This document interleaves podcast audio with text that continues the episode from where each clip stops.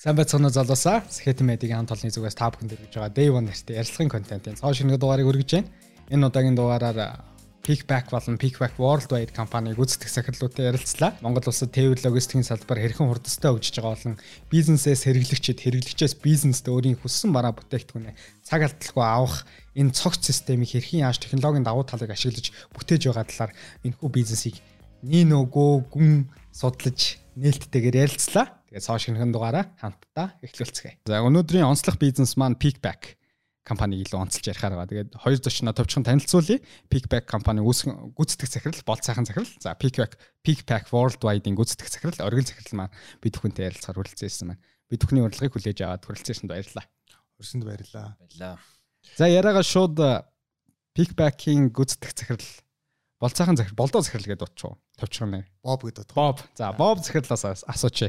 За, Pickback гэдэг энэ бизнес маань анх хизээ зах зээл дээр мэдлвэ? Нийгмийн ямар асуудлыг шийдэх гэж гарч ирсэн бизнес вэ? За, Pickback маань ерөнхийдөө бол 3 жилийн өмнө бид нар анх Pickback гэдэг төслийг санаачилж ирсэн. Тэгээд уг төслийг санаачилж байхдаа яг Монгол улсад fulfillment буюу одоо хэрэглэгчид одоо нэг цогц газар бараагаа хадгалуулаад хэрэглэгч рүү хүргэж өгөх тийм ерөнхийдөө боломж болцоо ер нь 3 жилийн өмнө коронавиг өмнө байхгүй байсан учраас Pickpack гэдэг компани ер нь байх хэрэгтэй юм байна. Тэгээ хэрэглэгчд нар болон бизнес эрхлэгчдийн бараг бүгдээр ингээд цогцоор нэг газар хадгалж агаад хэрэглэгчд нар руу яг хөргөж өгөх нь ер нь зөв юм байна. Энэ нь болохоор гэдэг үндсэн дээрээс Pickpack гэдэг бол анх үүсэн байгуулагдаад 3 жилийн өмнөөс гарч ирчихсэн. Аа. Оргил захирлын хувьд за Pickback гэдэг компанитай бол хамтран ажиллаа та хүн жилийн өмнөөс хамтарч ажиллаж байгаа гэж ойлгосон бий. Тийм. Тийм. Тийм жил болж байгаа. За тэгвэл ямар одоо үйл явц яваад Peakback-тай нэгдээд ингээм хамтын ажиллагаа эхлүүлч вэ? Peakback Worldwide компани хамгийн анхны үүслийн талаар та нэг товчхон мэдээлэл өгвөл. За Peakback Worldwide болохоор одоо яг сая манай болцоогоон цэглэл ярьж байгаа энэ Монголд үйл ажиллагаануудаас гадна одоо бизнесийн үйл ажиллагаа явуулдаг эсвэл одоо хөв хүмүүс гэдэг одоо нэгсэндээ ачаа бараа одоо бараа бүтээгдэхүүн гаднаас худалдаж авдаг эсвэл одоо хамаатан саднаасаа бараа бүтээгдэхүүн хүлээж авах шаардлагатай эсвэл илгээх шаардлагатай гэдэг юм. Тийм шаардлагуудыг үндэслээд нэгсэндээ Pickback маань өөрөө ингээд өргөжих шаардлагатай болсон. Тэр үндсэн дээр Worldwide компани гарч ирээд яаж байгаа гэхээр бид нэр гадаад тээвэрлтийг энэ гадаадын одоо жишээлбэл Америкт байгаа нэг ачааг бид нар Монгол улсад авчираад тэгээ гайлын бүрдүүлэлтийг хийгээ Pickback-тай хүлээлгэж өгдөг гэсэн үг. Тэгээ Pickback маань цаашаага эцсийн хэрэглэгч рүү гэдэг юм эцсийн хаяг руу хүргэх үйлчлэг зохион байгуулдаг. Worldwide компани Pickback Worldwide компани хувьд болохоор 2012 оноос хойш New Logistics гэдэг нэртэй гэр үйл ажиллагаа явуулдаг гэсэн. А ерөнхийдөө яг энэ олон улсын тээвэр логистик үйлчлэгийг цогцоор нь бас үзүүл үзүүлдэг. А гайлын зурчлалын үйлчлэгээтэй хамтд нь гээд явдаг байсан. Тэгээд Pickback компани маань одоо New Logistics компаниг acquire худалдаж аваад тэгээ бид нар ингээд бизнесмен нэгдээд ингээд байгаа гэсэн үг. Одоо аливаа нэг бизнес за Pickback одоо дангаараа гэдэг юм уу яг гадаадын гадаадаас бараа материалыг оруулж ирж байгаа логистикийн асуудыг шийднэх юм бол цоо шин эхнээс нь бүх үйл ажиллагаа эхлэх болчиход байна шүү дээ. Тэгтэл за New Logistic компани бол 12 оноос хойш нэгсэндээ гадаадаас бараа бүтээгдэхүүн оруулж ирээд гайлын асуудлыг шийдээд хэрэглэгч нар болон бизнесмэнүүд бизнес үйл ажиллагаа явуулж байгаа хүмүүс хүрэгдэг цогц систем нь аль үжи байсан учраас Pickback нэгсэндээ худалдаж авсан гэсэн үг шүү дээ.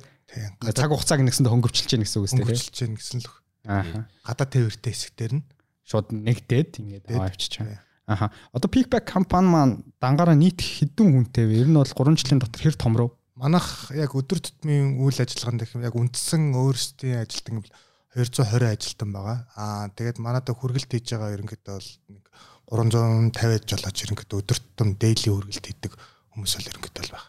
Аха. Нэгэн туйлаа хүргэлтийн талаар ярьсан юм чи би дэлгэрүүлээд За хоолны бизнесүүд байгаад тахшаа. Би бас тана хэд хэдэн аппликейшнуудыг татаж үзсэн, оролдож үзсэн. За ямар үйлчлэгээ явуулдаг ингэ тий. Тэгэхээр үйлчлэгээнүүдэд товчхон зүгээр дурдъя гэвэл сонирхуулаа тий бүгдийн дурдах халбгүй. За манайх ийм үйлчлэгээ одоо нэвтрүүлж гэн энэ нь одоо магадгүй сонсогч нарт маань илүү сонирхолтой байж магадгүй гэвэл. За ер нь бол яг хуу манайх дөрвөн том чиглэлээр үйл ажиллагаагаа ер нь таван том чиглэлээр үйл ажиллагаагаа ерөнхийдөө явуулж байгаа гэж хэлж болно. Тэгээд эхнийх нь болохоор B2C бизнесээс хэрэглэгч рүү гэсэн сегментэн дээр ажиллаж байгаа. Хоёр дахь нь болохоор B2B бизнесээс бизнес рүү а C2C гэдэг нь болохоор хэрэглэгчээс хэрэглэгч рүү а мөн international freight forward одоо ингээ ороод ирсэн.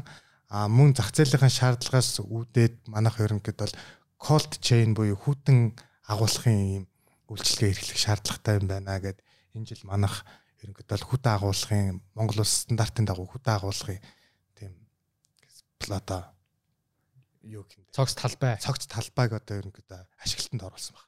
Тэр нь нийт хэдэн ширхэг байгаа бол одоо метр квадратаар нь ярил нэг тоогоор нь ч юм уу? Нийт 23 кабин а 100 тонны 23 кабин ерөнхийдөө үйл ажиллагаа явуулж байгаа.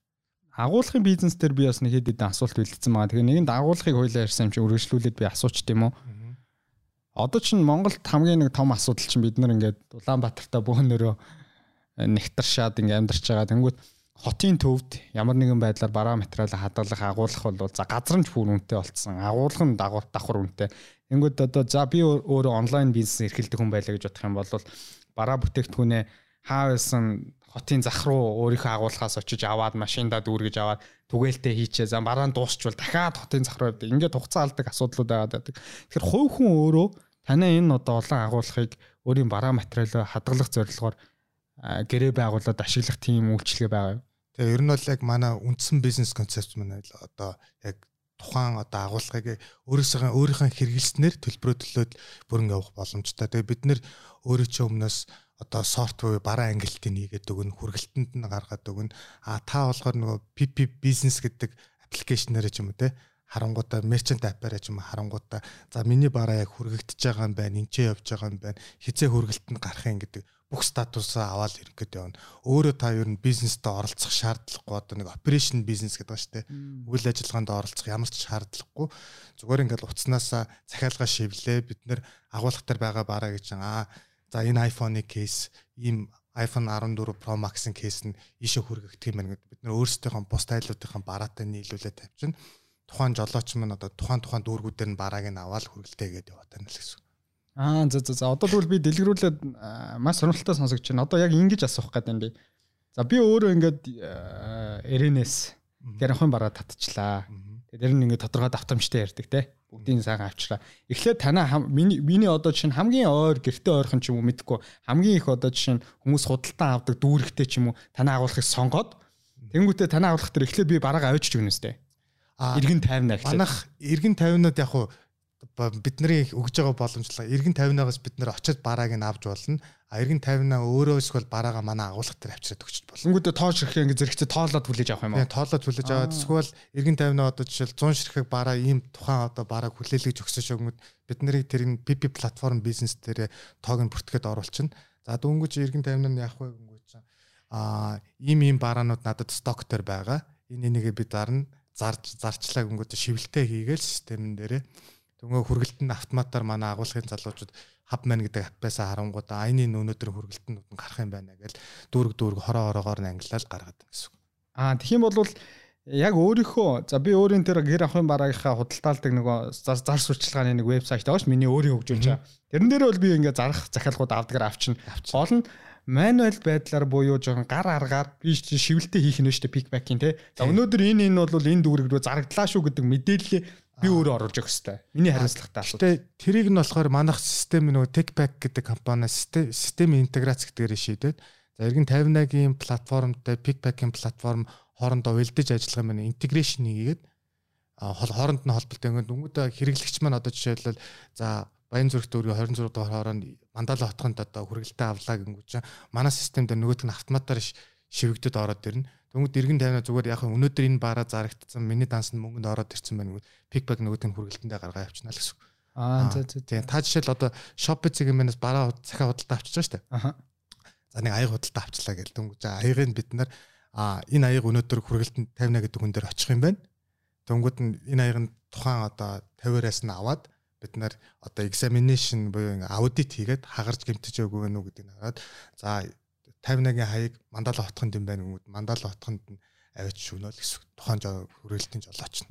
Аа дундаас нь ямар нэгэн одоо жишээ нь commission буюу бид ингээ мөнгө суудах асуудал байдаг шүү дээ. Тэр нь одоо чинь хэр өндөр бах вэ? Тэдэн өмнө гэсэн. Яг нийт баскетийн одоо худалдаа авж байгаа барааны 2.2% ч юм уу те. Commission бидний одоо хийж байгаа commission fee гэсэн үг л болж байна уу.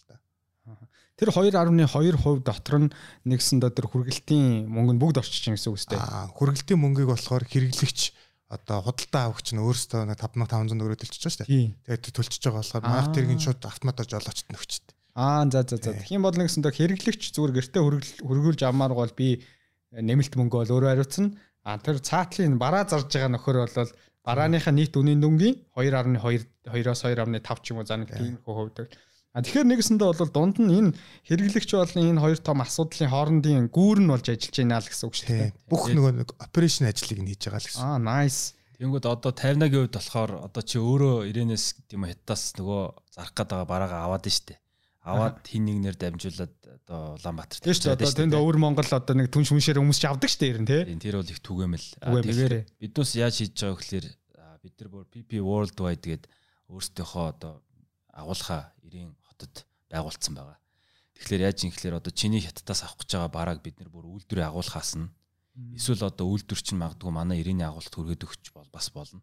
Тэнгүүд биднээс тэр 90-ийнхээ агуулгад чиний барааг чинь аван гута нөгөөдхийг нь бид нар 7 хоногт нэг удаа ч юм уу ачаануудаа нийлүүлж байгаад нааш нь яг ном журмынхан дуугаа авчираад тэгээд биг бэкийн агуулгад авчираа болгочих болно. Тэгэхээр үндсэндээ бол одоо дараагийн асуудлыг шийдэж ш тас. Тийм чи тэгэхээр гэрээсээ энэ бизнесээ удирдаал тэгээ одоо ажилласаа ч гэдэг юм.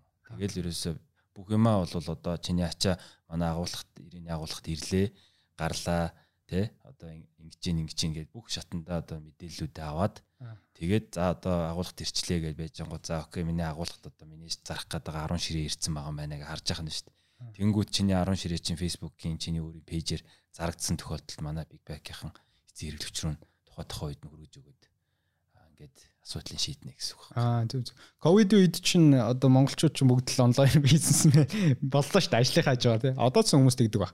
Монголчууд ч одоо хятадаас юм оруулж ирээд нэгэндээ зарахын бизнесийн одоо санаа гэх юм уу эн чинь хэлбэг болчлоо өөрөө чи хэлсэн шиг түг юм л. Тэгэхээр хамгийн эхлэлийн цэг нь бол эрэндэх танай үйл ажиллагааны хамгийн эхлэлийн цэг бол эрэндэх агуулах юм байна. Тэр эрэндэх агуулах руу хүргэх тэр агуулгын хаяг хүртэлх яаж хүргүүлэх үү гэдгийг бол бизнесмен буюу тэр онлайн үйл ажиллагаа эрхэлж байгаа таймна өөрөө хариуцсан. Тэ?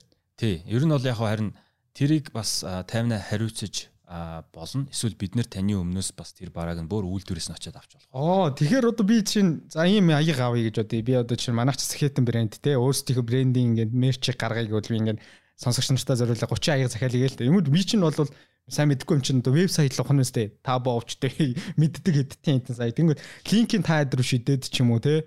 За би яг энэ аягыг л аммаар. Тэгсэн би яаж хятадаас авахыг нь бол мэдэхгүй байна. Тэгээ энийг аваад өгөөч гэвэл танахаа руу хандаа шууд тэр үйлчлэгийг нь авч болох уу? Тий. А одоо биднээс яг иймэрхүү бизнесүүдтэй бас хамтраад ажиллаад эхэлж байгаа. Зүгээр яг хувь хүмүүсийн ачаа болохоор одоо жишээл магадгүй танах нэг хятад ч одоо нэг 20-оос 30 эсвэл хамгийн багадаа нэг 100 аяг захиалаа гэдэг шүү дээ. Тэнгүүд одоо юу гэдгийг за чи хятадын табооч үт юм уу хин нэгнэр барага захиал захиаллаа гэж бодсон мөнгөө шилжүүлсэн. Тэнгүүд тэр бараг хааш нь хөрвчих юм бэ? Эсвэл танах ирж чи өөрөө ирж авах юм уу гэж асуух бах. Тэнгүүт нь за тагвал та манай энэ хаяг руу явуулчихаа. Агуулгын байршил хэлээд өгнө. Аль эсвэл танах хаягаа өгчөө бид нар очиод авчия. Гингүүтээ манай одоо Big Bag гэдэг юм уу? Big Bag World Ride руу захиалга өгчих واخхой. За би энэ бараа захиалсан шүү гэд. Тэнгүүт бид тэрийг нь очиж аваад тэгээд одоо агуулгатай авчираад тэгээд бүр чиний одоо зарж байгаа эцэг хэрэглэгч рүү гэж өгнө гэсэн үг байхгүй. Тэгэхээр яг одоохондоо сая жишээ бол Ирэний одоо манай агуулгыг жишээ болгож ярьлаа. Ер нь бол бидний зорилго бол одоо дараагийн агуулга маань Солонгост сайн нэгдсэн байгаа. Наа чи гоё мэдээ шүү. За дараагийнх нь одоо ингээд Турк, за Америк гээд ингээд ингээд ер нь бол хөгжөөд дэлгэрүүлээд явах юм. Европт бас нэгдэж байгаа тийм Европт бас тийм. Өнөөдөр хүн бидэд ажил дээр би нэг найзтайгаа ярьсан. Солонгосоос одоо ховцсах марана тий одоо сүүлийн үеч хүмүүс K-pop ер нь залуучуудын солонгос талын солонгосоос одоо Америкаас ч юм уу хувцас өөрсдийн хувцас захиалахаас илүү солонгосоос бас захидаг болчиход байна. Тэнгүүд Америкаас бол одоо бид нар авчаад байгаа маа Amazon-аар дамжуулаад ч юм уу. Солонгос жоох хэцүү мөлий. Хов хүмүүс л яагаад байдаг. Яг ингээд вебсайтаа харж байгаа. За энэ газраас яг ийм хувцас аммаар байна гингүүд яг аль бизнесний байгууллагууд байхгүй байдаг. Тэгэхээр мэдээж би одоо дараагийн асуулт нь хов хүмүүс бол байна. Хятадаас ингээд авчирдаг түгээмэл байна. Тэгэхээр танах мэдээж байгууллага гэдэг утгаараа бол цаг хугацаанд нь тэр бараа хүргэх. За аюулгүй хүргэх те. Энэ асуудлуудыг шийдэж байгаа. Өөр ямар эслийг хааж байгаа вэ? Хүмүүсийн зүгээр өнгөц энэ харж чадахгүй байгаа. Аа тий одоо яг ер нь бол нөгөө ачаа бараа ингээд нэг захиалцдаг. Тэгээ нөгөө бараа нь ямар ч нааша ирж байгаа гэдэг нэг мэдээ авдаг. Тэгэхээр одоо нөгөө бараа нь алга болох эсвэл одоо дутах ч гэдэг юм уу гимтэж ирэх. Тэгээ тэрийг эргээд нөгөө хариуцах эзэн байхгүй болчдөг. Тэгэхээр бид нар бол Монгол аж ахуйн нэгж Монгол компани. Тэгэхээр бид нар өөрсдийнхөө тээвэрлж байгаа зөөж байгаа ачаандаа өөрсдөө ажиллагаа хүлээгээд ингээ явна. Хэрвээ цаанаас ачааг бүрэн бүтэн хүлээлг өгсөн бол биднээс бол ямар ч сан бүрэн бүтэн хүлээлгэж өгөх энэ үүрэгт үүргийг хүлээн. Дээрэс нь нэгдүгээр замын мэдээнүүдээ бид нэр цаг тухайд нэгээд авчиж байна. Нэгэсэндээ эргүүлээ чи өөрөөхөө цаашаа бараа бүтээгдэхүүнээ зарж байгаа, үйлдвэрлэж байгаа энэ бүх юмнуудаа төлөвлөхөд чинь илүү төхөн болно. За дээрэс нь бид нар бас зах зээл дээр ер нь нэлээд одоо боломжийн гэдэг юм уу өрсөлдөхүйц ийм одоо өн өртгийг санал болгоно. Технологид суурилсан гэдэг байгаа цаад шалтгаан нь ерөөсөө энэ юм байна шүү дээ. Нэгсэн доо би гар утснасаа хиттаас одоо хөдөлсөн тэр цаг үеэс нь эхлүүлээд байнга хянаж ийн гэсэн үг өөрийн гар дээр. Тийм ер нь бол яг хуу хиттаас нааша гарчлаа гэхэд одоо агуулга дээр ирсэн, гайл дээр ирсэн, а Улаанбаатарын агуулга дээр ирлээ. Хүргэгдэхэд бэлэн гэсэн статусууд нь бүгднийг манайх ер нь PP платформнаараа дамжуулаад хэрэглэгчтэй өгөөд явчихдаг. Тэгээд өнгөж хэрэглэгчд ямар нэгэн confusion байхгүй одоо 7 хоногийн дотор бараа нэрнэ гэсэн бол ирээд за оргил зэрэг бас нэг өмнө хэлчихсэн 100% даатгалтай. Одоо жишээлбэл 50 гэдэг хүн миний бараа ингээд одоо би 300 доллараар юм авчлаа. Энэ ингээд ягаа удаад алга болчих юм бэ? Ирэхгүй байж та гэм манах нэг даатгалын схемээр тухайн одоо 51-ийн барааг нь одоо нөхөн олгож эсвэл дараагийн барааг нь авчирч өгнө. Ер нь алга болно гэсэн эрсдэл ерөнхийдөө байхгүй. Бүх юм нөгөө нэг өөрөө QR based ингээд явж байгаа учраас алга болно хаана гацсан гэдэг эрсдлүүдийг бол бүгднийг step by step хаагаа авчихдээ. Одоо бид эдийн бас нэг нэвтрүүлж байгаа юм нэгэнт одоо яг энийг ярихаас өмнө бас бид нар нөгөө Pickback group-ээ бас танилцуулах хэрэгтэй баг. Нөгөө Pickback болон Pickback Worldwide за Worldwide man бол Pickback охин компани. Гэхдээ дээрээ бол бид нар яг нэг Takeback гэдэг umbrella дор энэ үйл ажиллагаанууд явж байгаа. Takeback man өөрөө MCS group-ийн бас охин компани. Аа тэгээд энэ ямар учиртай юм гэхлээр Techback Group маань ерөнхийдөө энэ одоо охин компаниуд болох Bigback, Worldwide, за Freshback, Meatback гэх те энэ технологийн энэ шийдлүүдийг бүгднгийн арталт нь програмыг бичиж энэ бүх одоо асуудлуудыг энэ яг одоо технологийн талын асуудлыг бүгдийг шийдэж өгч байгаа юм компани гэж.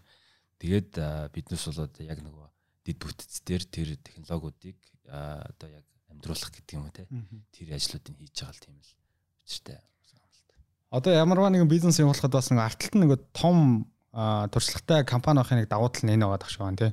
Тэгэхээр ч одоо маш олон компаниудыг tech pack-аас нэгсэндээ технологийн асуудлууд энэ Монгол инженерүүд суужгаад шийдчихэж гин гэсэн үг шүү дээ. Гаднаас ямар нэгэн технологийн дэмжлэг авалгүйгээр. Яг in house гэж яриад. Тий, in house. Тэр нь бас танаа яг нөгөө л технологи суурилсан. Бид нар ч одоо технологи технологи гэдэг үгийг амар их ашигладаг болчиход шүү дээ.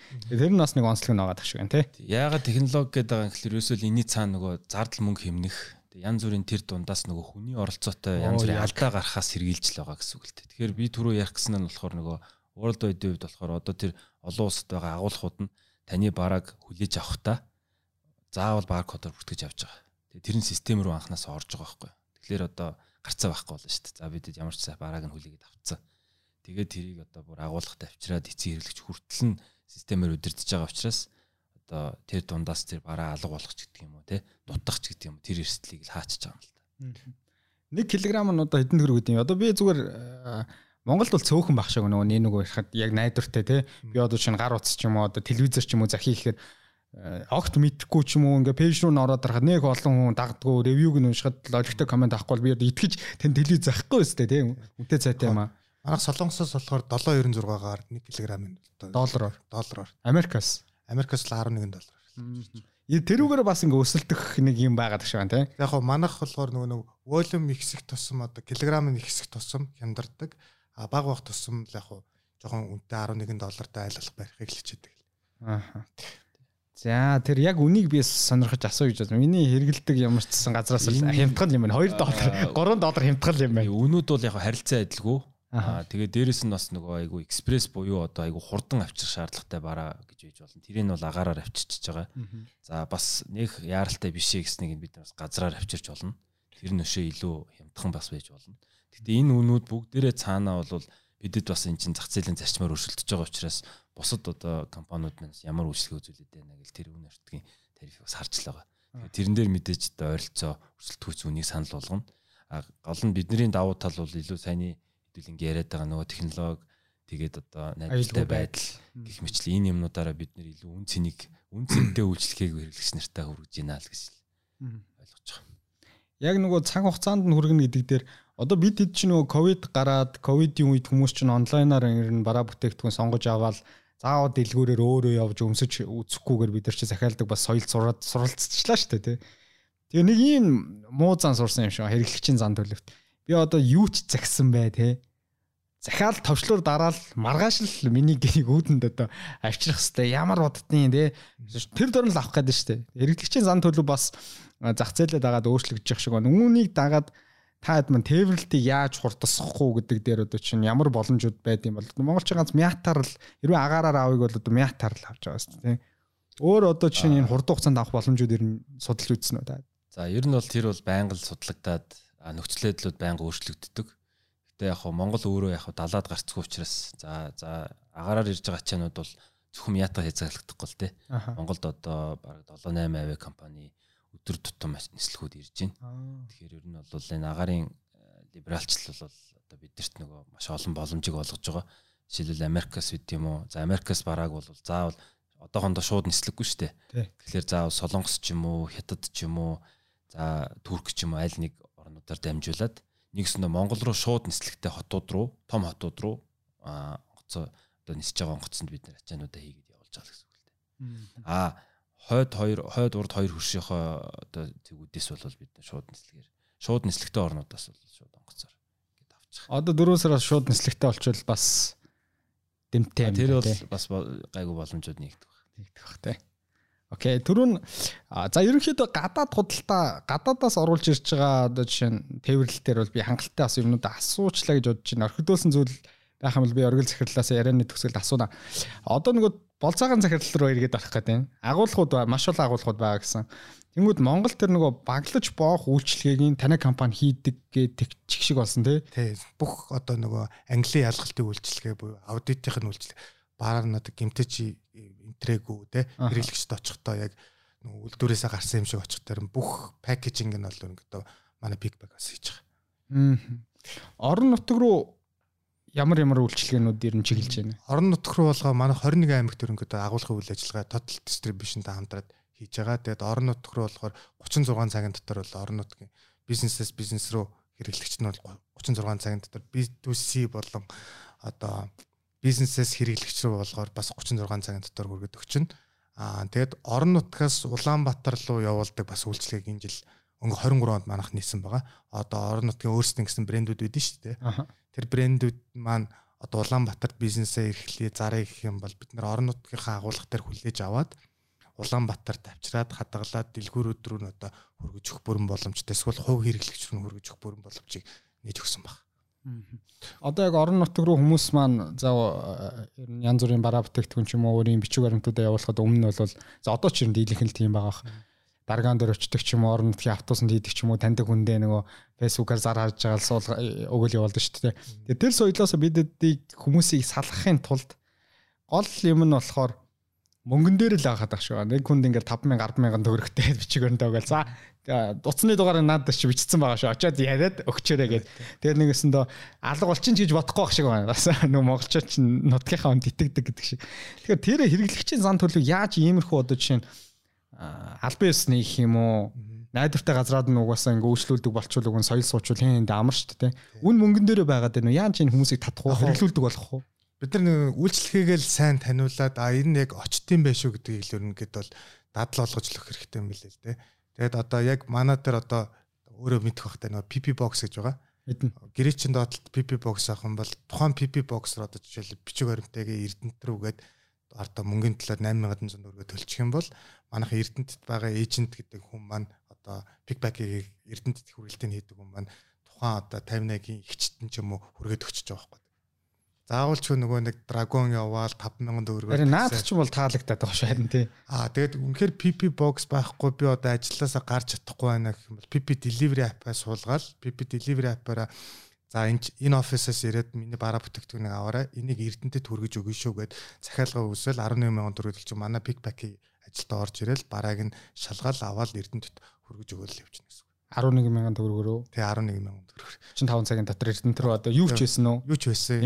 Том том байна уу, жижиг байна уу ерөнхийдөө хамаагүй бүгднийг хүргэж өгнө гэсэн. А тэгвэл одоо нөгөө хов одоо одоо нэг хувь одоо хүмүүс чи ямар машинаар явдаг гэж яриад байдаг лээ. Таксигаар уу? Такси байгаа нөгөө машины нөгөө мартчихжээ. Stark эсвэл нөгөө Альфард гэж яриад байдаг. Аа тий Альфардууд чи их явнаа орон нутаг донд тий холын аймагуудад аймагуд руу болвол тэр эдээс бол үн тэгвэл нөх ялгааг болсон юм шүү дээ.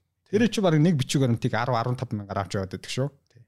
Яг хөө тэднээс бас яа нөгөө нэг давуу талд манах 100% даатгалтай тухайн бичиг баримт нь алгуулах юм бэл манах нөгөө авахтаа QR кодоор хүлээгээд авчиж байгаа учраас За иргэн болцоохон гэдэг хүн жолооч болцоохон юм даа хүлээгээд авцсан. Энэ бараа нь энчээ явж байгаа шүүгээ манайх машинуудаа тракингараа хянчин. Аа тэгээд Эрдэнэтэд хүргээд өгчлөө гингүүд манай Эрдэнэтийн хүргэж өгсөн маань шипэд арчдаг. Шипэд арчингууд нь за хүргэгдсэн шүүгээ таны утсан дотор мессеж ирнэ л гэсэн. Энд одоо янз бүрийн урамшуул байгаа. Одоо оргил захирлаас бас давхар асууч. Одоо танаа үйлчлэгийг аваалах юм бол хүмүүсийг бас хэрэглэгчийг нэг татах юм чинь танахаар 10 үйлчлүүлэнгүүд нэг купон оноо моноо ч гэдэг юм уу. Тэнгүү дараагийн нөгөө ажилтныхын зардлаас нь хөнгөлж мөнгөлөөл идэг. Нөгөө байнгын хэрэглэгчтэй бол за танд ингээл 10% дискаунт өглөө мөглөө гэдэг дээ. Тийм зүйл одоо байгаа юу? Яг PP платформ дээр бид нэр оруулаад өгсөн байгаа 10 үргэлт хийх юм бол нэг үргэлт үнэ үжтэм те. Тиймэрхүү боломжууд нь бол ерөнхийдөө бүгд нэг нэгдсэн. Тэгвэл бас Олон улсын тээвэр дээр болохоор яг нөгөө угаасаа зах зээл дээр тухайн одоо ер нь бол одоо өргөн хэрэглээний бараа бүтээгдэхүүний баг 30 40% нь логистикийн зардал гэж тооцогддог. Тэгэхээр тэрний их дийлэнх нь нөгөө Монголоос гадна гардаг. Тэгэхээр тэр болохоор дандаа нөгөө одоо айгүй олон төр шалтгаантай олон хүчин зүйлээ шалтгаалсан бидний шалтгааллахгүй зүйлүүдээс их шалтгаалдаг юм учраас зардал дээр бол яг бид нар зүгээр зах зээлд их хан шиг хамгийн одоо боломжтой байдлаар байлгахыг л зориод ажиллаж байгаа гэсэн. А яхаа мэдээж маркетингийн олон арга барилуд байдаг л та. Яг нөгөө манайх чинь үнгүй юм урамшуул дуртай болохоор би ингэж асууж байгаа шээ. Окей. За боксуудын хувьд хоёулаа тоог нь хэлсэнгүү те. Нийт хэдэн ширхэг байрлуулсан байгаа Улаанбаатар хотод? Улаанбаатар хотод 175 ширхэг бокс, хөдөө оронд 25 бокс байна. Аа. Яванд одоо GS 25 CU шиг ингээд нэмээд явах уу? Одоо байгаа нь баг хангалттай байна уу? Аа, манайх хоёрын GS 25-аар ихэнх байршлуудаар. Тэгээ өнөөдөр яг хоо бид нэр анх бизнес концепц хийж байхдаа ер нь л хүн 2 км алхаад нэг бокстой тааралдах хэрэгтэй юм байна. Энэ өөрөө хэрэглэгч давуу тал одоо convenience гэж ярьж штэ. Бид нэр тэрийг бүрдүүлж өгөх юм аа. Тэгээд ерөнхийдөө бол яг а 200 бокс л ер нь өнөөдрийн байдал дээр e-commerce одоо бид нэр хийж байгаа e-commerce бол хүрэлцээтэй юм байна л гэж харж байгаа. Тэгээ одоо жишээ нь world wide хувьд гэхэд одоо замын үеийнхээ салбараас бид бичгээр байнга авах шаардлага гардаг байхгүй.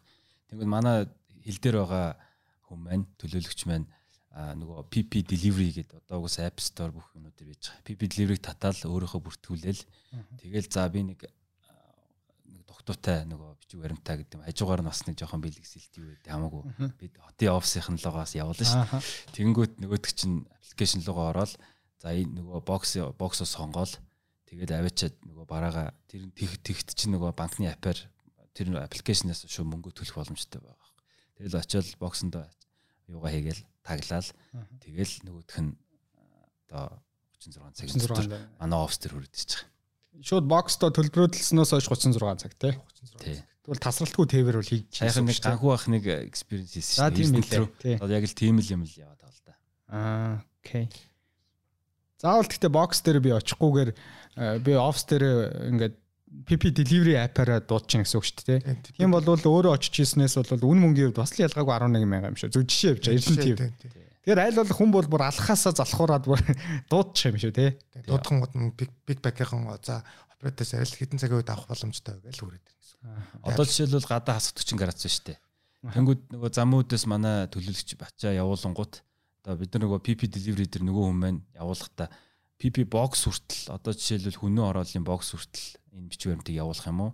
Эсвэл одоо энэ манай хотод байгаа эдний офс нь хөргөжих юм уу? Хоёр сонголт гарч иж байгаа. Тэгээд нэг бол box руу хөргүүлчих болно, нэг бол нэг хаягийн утасны дугаар бүх нэр ус бүх юм ин окей болгоод өгчөж болно гэсэн. Хоёр ялгаатай. Тэгэхээр би одоо жишээ нь ха 5 шаард байгаа найздаа ч юм уу яаралтай нэг бичиг баримт явуулмаар нэг бол би бас би одоо UB cable гэж явуулдаг аахгүй өөр ажил дээр амжихгүй бол танахыг бас ашиглаж болно л гэсэн юм шүү дээ. Бокс боксноос боксны хүргэлцгэл гараас бокс руу хүргэлдэгдэг юмудаа ашиглаад хүргэлтэй л гэж ингээд 24 цагийн дотор 12 цаг манайх бас экспресс хүргэлттэй 90 минутын дотор хүргэж өгнө гэдэг. Наад ч супер юм шүү дээ. Хаан ч ясан нөө. Одоо тийм мэдээж бүглэрлээс тодорхой хэмжээний шалтгаан тийм. Монголын нөгөө бас давгд шиг хүчин зүйл гэдэг шиг бидний бас шийдэж бидний зорж байгаа зүйл байгаад байна ш. Бидрээс хамаарахгүй зүйлүүдээс асуудал зөндөө байгаа шиг тийм. Төгжрлөөс гадна нэр хаягч хаягжуулалтын асуудал хэрэг Монголд. За одоо чинь Монгол ихгүй 21 аймагт ч юм уу би одоо чинь энэ даваачаад өг гэдэг нэг өгчдөг. Энэ таны таны бизнес төвөг болж уу? Аа яг хуу чин хүсэл бол айгүй гоё хаягийн системтэй болох тэр нэг хүсэлтэй байгаа маа манай залуучууд гэх юм уу. Тэгээ яг нөгөө нэг одоо гадаадд гэх юм бол за тухайн одоо байрыг олохгүй байх юм бол хүмүүс камера хасаагаал ингээд intuitive одоо ийшээ ийшээ ингээд сум заагаал энэ орц руу орох юм байна хоёр давхарт гарах юм байна гэд заагаад өгч. Манай Монгол болохоор ерөнхийн нэг юм баримжаа одоо жишээл Сапарагийн хойдлын байр гэж хэлцдэг. Тийшээ Сапарагийн хойдолд чинь айгүй олон байрууд байгаа болохоор зүгээр заавалч нөгөө хэрэглэгч рүү нэрж ийж хаана ах та яаж өгөх үү гэл нөгөө нэг тэр асуудлууд яг хаягжилт өөрөө айгүй сайн байх юм бол бид нар бүрэн шийдчих боломжтой юм байна. Одоо хэрэглэгч рүү байн байн залгаад авахгүйгээр хүргээд өгчих юм байна гэдэг л. Тэг. Яг бүгдөө нэг Америк Америкт байдаг шиг zip код хэрэглээд тэгээд тухайн хаягийг одоо зүгээр нэг юм ерөнхийн нэршлэн биш яг ингээд тухайн хаяг нь энэ юм биш үү гэдгийг хүн болгон одоо бизнесүүд нь өөрсдөө хэрэглээ хувь хэрэглэгч нь хэрэгжилчих юм бол явцын донд нөгөө нэг хаягжуулч өөр айгүй сайжраад ирчингүүд нөгөө хүн амтнд лу залгаж түүг бодох нь ерөнхийдөө байхгүй болчихсон шууд л хүргээд өгчнө Тэгэхээр та өөрсдөө тэр датагаа цуглуулж гин гэсэн үг. За одоо жишээ нь улс улсын ер нь бол улсын л хийх ажил шүү дээ тийм үү? Энэ хаягжуултыг зэгцтэй болоод хүн болгоныг ашиглуул. Гэхдээ мэдээж улсыг хүлээгээд байвал юм явахгүйгаас хойш та хэд маань өөрсөндөө одоо жишээ нь 58-гийн нэг ингээд утгагүй хаяг өгөөд за яаж хийж яагаад манай жолооч маань олоод өгчлөө. Тэнгүүтээ тэр системэн дээр дахиж 58-гийн газар би дахиад тэр хаягн дээр захиалга үүсгэхэд аль үжи нэг удаа зовн байрын аваач өргөцсөн юм чинь тэр датанууд нь цуглардаад сайжрах бас механизм байгаа юу. Тэгээ манайх ер нь яг датануудаа хадгалж байгаа л тэгээ одоо жишээлбэл хадгалсан датагаа бид нэр реженерейт хийн гэдэг одоо нэг юм аль аль болох тэр хавьд одоо ямар хүргэлтүүд байд юм байна тэр датагаа л ерөнхийдөө ашиглаж явж байгаа. Тэгээд гэсэн л тийм бол. Тэгвэл зарц сайжруулалт мэдээж одоо дараа удаа тавина одоо ч сабарыг хойдлын байр гэж тэгчих юм бол а тэр хавьд нь ийм ийм ийм байрууд бид нар хүргэлт хийж исэн шүү гэдэг датануудаа бид нар ерөнхийдөө бүгднийг цуглуулсан байгаа л гэсэн. Аха. Одоо тэгэхээр саяны хүргэлтийг хийгээд байгаа хүмүүс чинь мэрэгчлийн одоо танай жолооч нар танай компанидаар бүртгэлтэй өнөө яагаад би ингэж асууж байгаа юм гэхээр нэг ийм үйлчлэгээ байгаад тах шиг. За одоо би таймна тий тэнгүүтээ таны компани ажилтан биш. Тэгсэн ороо ажиллаад ажиллаад тавьсан чинь бас нэг халтур юмэр санагдаа. За цамаараа нэг хүргэлт хийчихэнгүүтээ танахаар ингээд нэг хүргэлт аваад нэг газар очих гээд ш. Тэгээд тэр үн чинь одоо чинь хэр найдвартай газараа мэдхгүйгээс болоод та эдийн хэрэглэгчийн сэтгэл ханамжийг чинь бас унгах нэг асуудал байгаа ш. Хуцаанаа хоцордог ч юм уу. Нэг бол та гарч ирээд өөрөө авчих уу гэдэг ч юм уу тий манайхан чинь тийм юмнууд бааш. Тэрийг яаж хийдэж чинь. Яг манайх ер нь аль болох нөгөө нэг видео сургалтууд жолооч нартай бол ерөнхийдөө өгдөө. За тухайн одоо хэрэглэгчд барааг нөхөтэй хаалгын тогшоод мэдлэх ёстой те 11 цагаас хойш хүргэлт хийх ёстой ёсгүй шүү гэдэг нэг ерөнхийдөө анханаас нь зааж өгөөд тэгээд ерөнхийдөө видео индакшн хичээлүүдтэй жолооч нартай сууд. Тэгээд яг манай үндсэн жолооч нар бол а зарим хэсэг нь манай үндсэн жолооч нь зарим хэсэг нь бол яг өөр 50 шиг мөнгө хэмээр байгаа хүмүүс байгаа учраас нөгөө нэг хичээлүүдээ бүгднийг үзснийх нь дараа бид нар одоо хөргөлтөд өгжүүлнэ гэсэн үг. Аа би тэгвэл хичээл үзчихэж тэгээ одоо хичээл авах нь шүү дээ. YouTube-ээс одоо жишээлбэл за энэ e-commerce-ийн бараг хөргөж өгөхтэй хаалганд тогших юм байна. Тэнгүүд хэрэглэгчтэй мэдлэх юм байна. Таны энэ брендийн одоо жишээл хөргөлт чинь пикбакаар хөргөгдөж ирлээ шүү гэдэг нь бүгднийг зааж хэлж хичээлүүдээ үзчихэд дараад нь ажилдаа гарна гэсэн. PP driver л аппликейшн. PP driver гэдэг. Би нэг татаж үзсэн юм аа. Тэгээд ингээд хэд хэдэн баг 5000 6000 хоол моол янз бүрийн үйлчлэгнүүдээс авахгүй. Тэгээд ингээд дараад бүртгүүлэхээ зөв сонирхоод яасан ч болохгүйсэн. Тэгвэл тэр янз бүрийн тохиргоо мохиргоо би өөрийнхөө яг хүм мөн үү найдартай юу гэдгийг баталгаажуулах процесс би хийгээгүй байсан биз дээ. Агуулгах дээр гэрээгээ зураад Тэгээ жолооныхоо өнүүлгийг шалгаад машина үзлэгт оруулаад одоо манайх тийм амар биш юм би чинь зүгээр сайхан отоо гаргаж цаг гаргаж ирээл зүгээр харигцаанд нэг хөрөгчий гэдээ бодсон.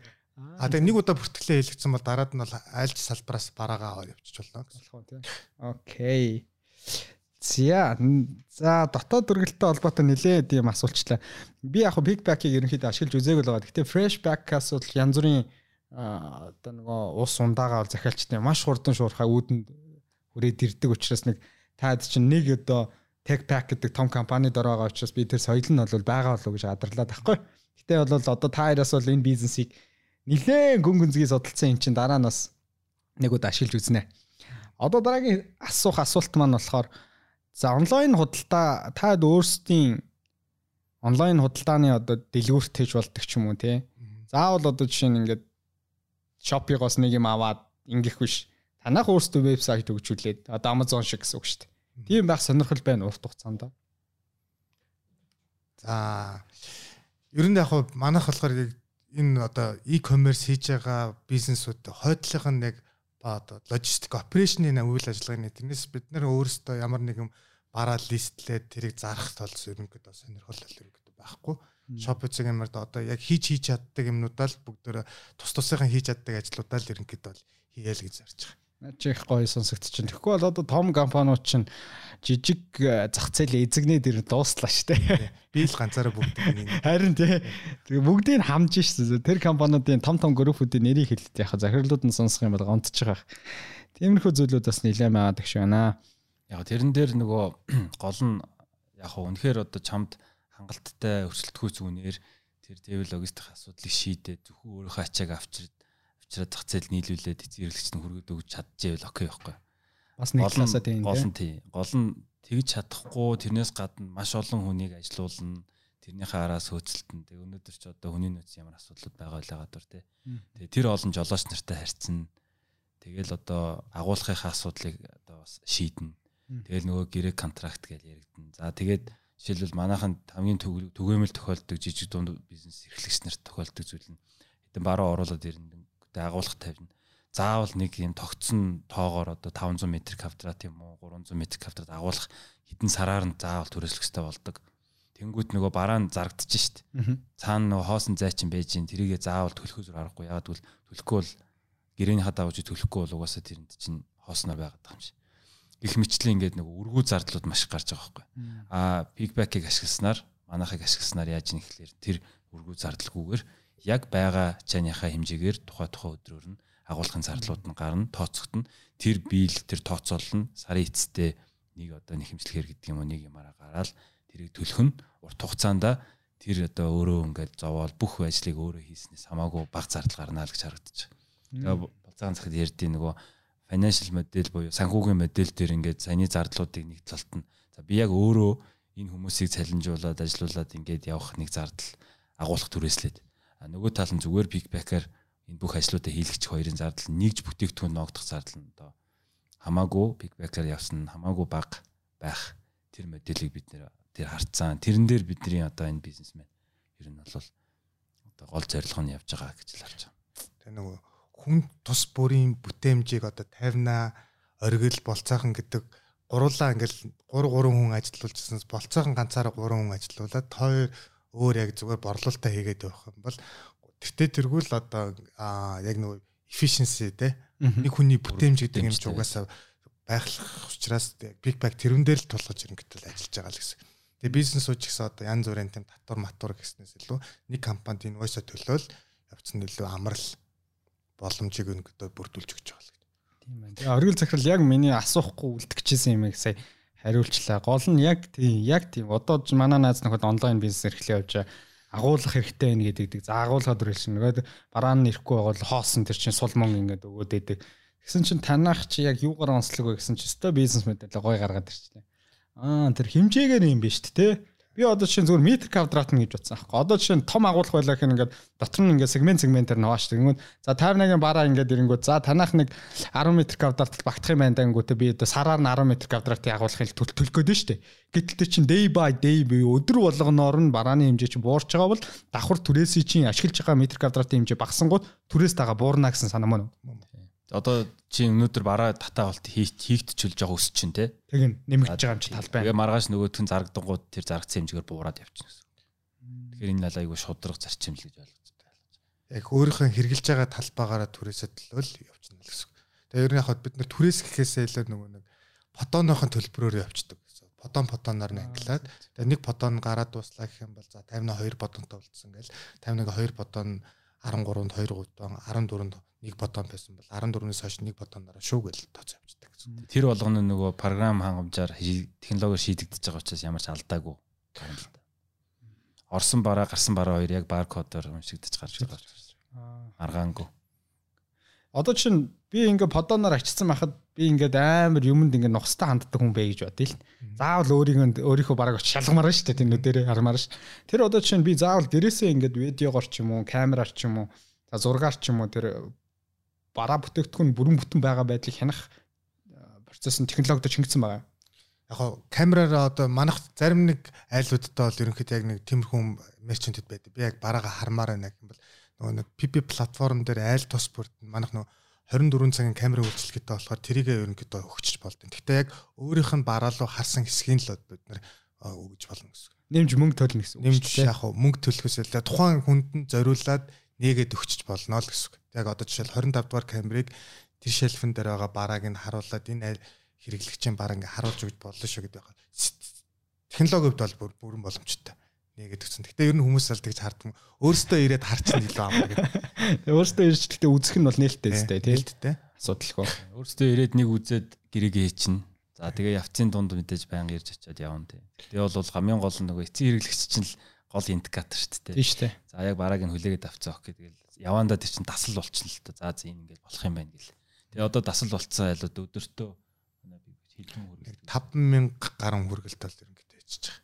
Одоо хэрэглэгч болон бизнес нийлээд. Тийм би хэрэглэгч болон бизнес нийлээд. Бизнесээс хэрэглэгч рүү, бизнесээс бизнес рүү гэсэн л. За тэгээд мөн хэрэглэгчээс хэрэглэгч рүү гэсэн.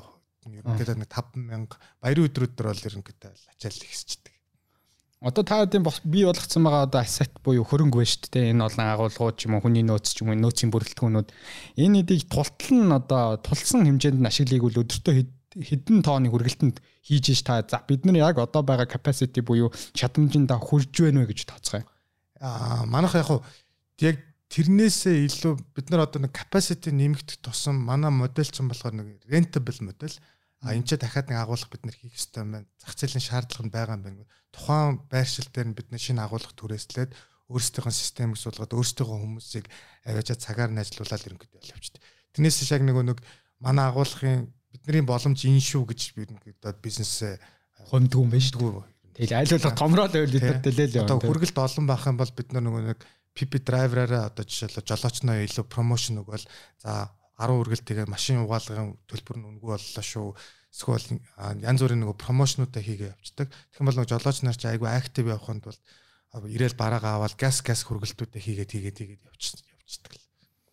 Аль болох нөгөө нэг бизнес хомхгүй нөгөө нэг баярын өдрүүдэд шинэ жил цагаан сар эднэрээр бүх баяруудаа нөгөө нэг хөргөлтүүд ихсчдэг. Тухайн яг нөхцөл байдалтай тааруулж бүгдөө ингээд ажилладаг л гэсэн. Тэрнээс бизнес аваад бидний үндсэн боломж яг энэ шүү гэж илэрсэн явдаг гэсэн. Одоо тэгвэл агуулга та маань түрээсэлт гэсэн үг бүгд өөрсдийн одоо барьсан өмчөл биш юм байна те. Аа бүгд ерөөсөө өөрсдийн өмч байхгүй бүгд түрээсийнх ингээд тавьж байгаа. Аа наад чинь бол бас шинэ мэдээлэл шүү. Тэгэхээр ерөнхийдөө түрээслэл түрээслэл авчин тэр нь баг илүү урсгал зардал багтай байна уу? Урсгал зардал багтаагаас гадна яг бид нар зах зээлээ мэдрэх бас боломжийг олгож гэж байгаа юм л да. Тэгээ бид нар одоо жишээлбэл ямар сонгон хайрхан дүүрэгтнийг агуулгах гэсэн сонгон хайрхал руу агуулгын үйлчлэгээ одоо хүргэлт авдаг хүмүүс баг бах юм бол бид нар сонгон хайрхад байх боломж ер нь бол тэр бизнес чинь бүглэрэл мүглэрлээс хамаарат шүү дээ. Тэрний он бид нар амгаланд хүргэлт их байх юм бол амгалан руу тухайн одоо агуулга шилжүүлээд эсвэл амгалан хаваар түрээсэлчин зайсан аваар түрээсэлж нэг явчих юм бол амарл. Яг нөгөө нэг бизнесээ яг яаж ажиаст одоо нэг яг тухайн нөхцөл байдалтай тааруулж ажиллахад л зориулсан юм. Агуулах, барих, газрын худалдаж авах, дэд бүтцтэй холбох гэдэг нь өөр айгүй том хөрөнгө оруулалт шүү дээ. Тэгэхээр одоо яг тийм агуулгахаар хөрөнгө оруулалт хийгээ явъя гэж байгаа хүмүүс бол нэлээ өөр том зургаар нь асуудал харсан байдаг баг. Одоо жишээл их том агуулга барьчаад магадгүй манайх 4-ийн 1 ч юм уу шаардлагынхаа хүрээнд 5-ын 1-ийг л ашиглаад бусад нөгөө хэсгийг өөр газруудад түрээсэлж өгөхгүй нөгөө агуулах хийцэн хүн чинь. Тэ?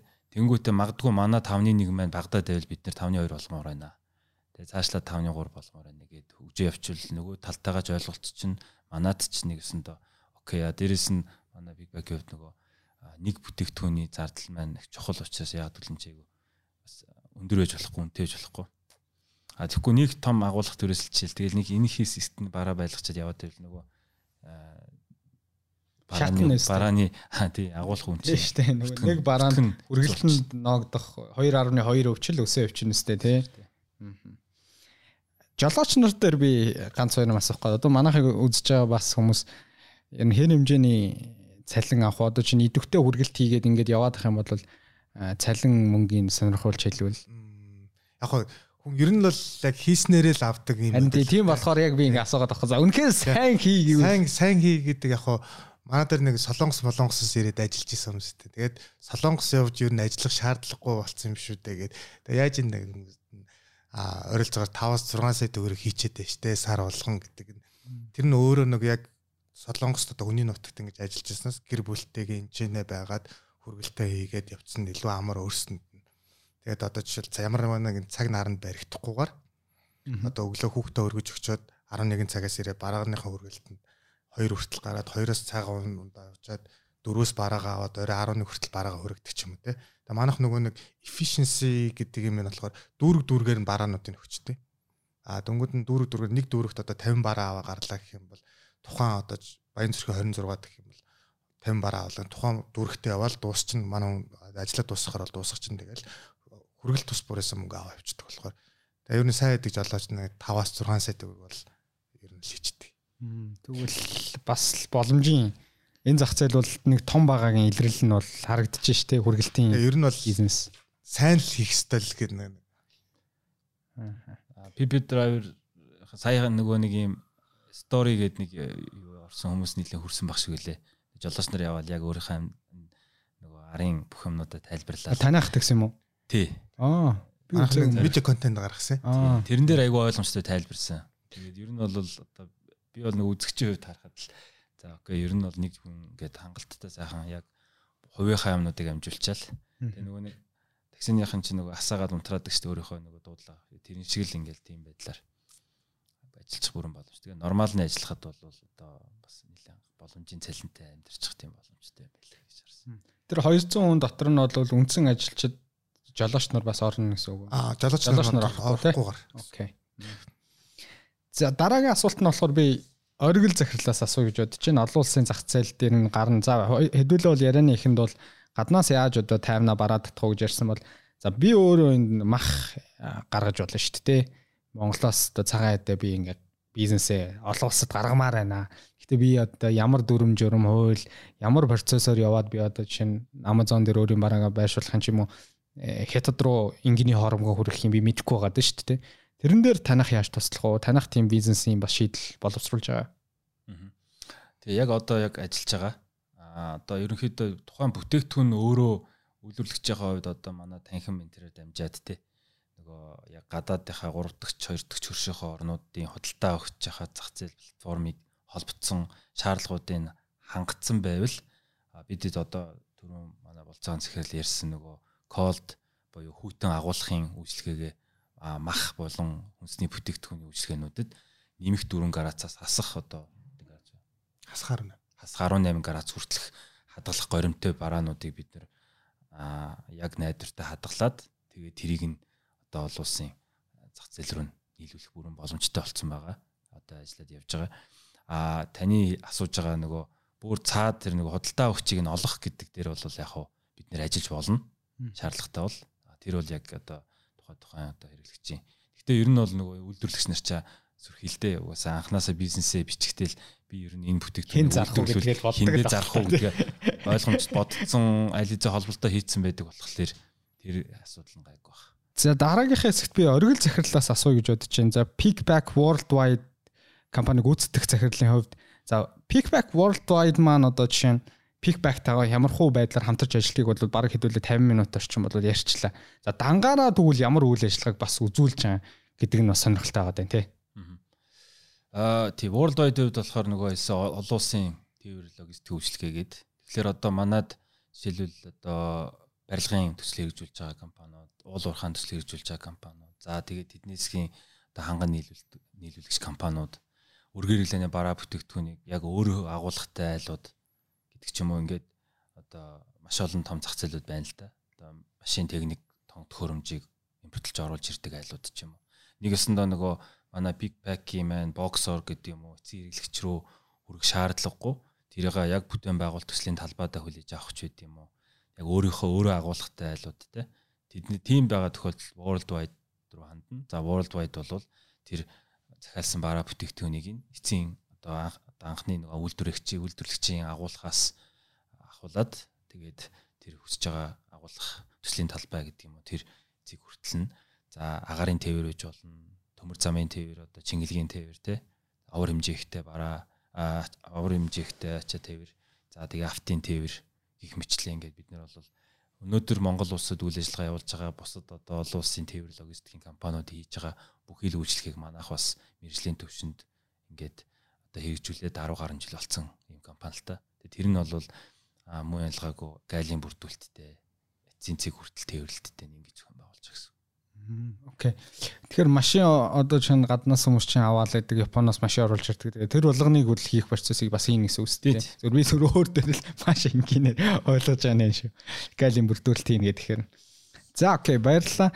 За ер нь одоо хэдүүлээ 50 гаруй минут цаг орчим 60 минут ярилцсан учраас ярианыхаа төгсгөлийг мэдээж ирээдүйн бодлого, стратеги, пикбэк компани удирдлагуудыг суулгацсан ярьж байгаа учраас цаашдаа ерөнхийдөө бид хэд хаашаа зориуд байгаа юм бэ? Бид хэд гэдэг маань Монголын зах зээл бол мэдээж жижиг гэн дээ. Тэгэхээр Монголд үйл ажиллагаа эрхэлж байгаа компаниуд бол ингээд Төв Аз руу одоо Үзбекистан, Казахстан ч юм уу Монголын зах зээлтэй илүү ойр ижил төстэй хөгжиж байгаа газруудаа илүү тэлж бас гараад байх шиг байна. Тэр зах зээл нь ч бас байгаад байна тий.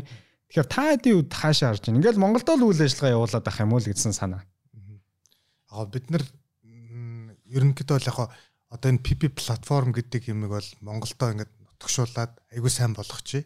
Аа тэгээд яг хүн болгоно одоо стартап болон одоо хүстэгээр одоо станы орнууд руу бүгдээрээ гараад одоо Монголыг бодвол 30 сая онтой Узбекистанд те яг Монголд туршигтаад Монголд өдөр тутам хэрэглэгдээд манай PP box PP платформод хэрэглэдэг. Монгол яг нодлон бид нар очиж үзсэн юм л да. Тэгээ ерөнхийдөө бол яг ахуй талаасаа хэрэглээ талаасаа ч гэсэн яг Монголд тохирсон юм Узбекистан хоёр ингээд адилхан юм. Тийшэл ер нь бид нэр чиглэе.